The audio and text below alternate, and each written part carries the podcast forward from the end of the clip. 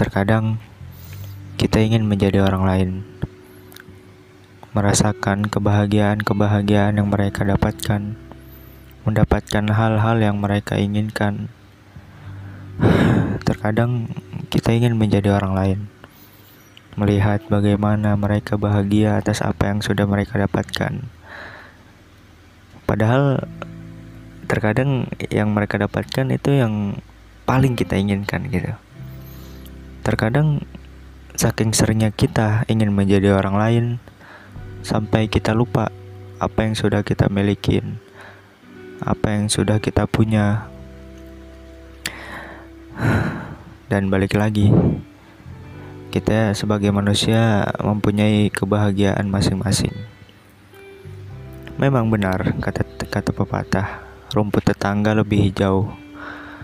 Tapi kalau misalkan kita mengorek lebih dalam di diri kita sebenarnya ada hal-hal yang belum kita ketahui gitu. Hal-hal yang bahkan harus kita perdalam lagi harus kita korek lagi. Tapi apakah orang lain juga ingin menjadi kita?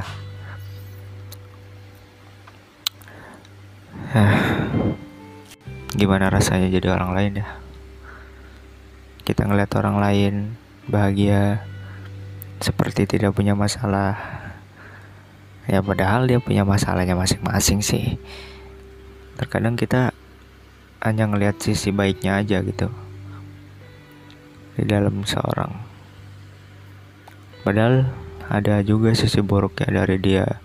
Sisi gelap sisi-sisi yang kagak mungkin dikeluarin sih ya yang bisa kita keluarin sebagai manusia ya sisi-sisi bahagia aja.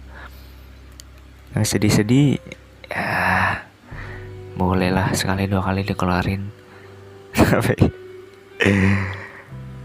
ya, guru gue pernah berkata uh, walaupun kita mendapat masalah kita harus tetap bersyukur.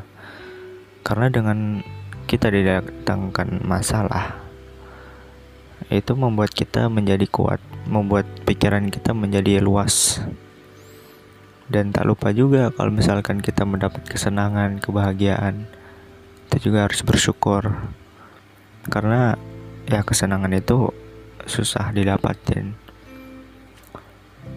Ya, intinya kita harus tetap bersyukur deh apa yang sudah kita dapatkan saat ini dan kita tetap berusaha untuk mendapatkan hal-hal yang kita impikan untuk esok hari. Terima kasih. Sekian.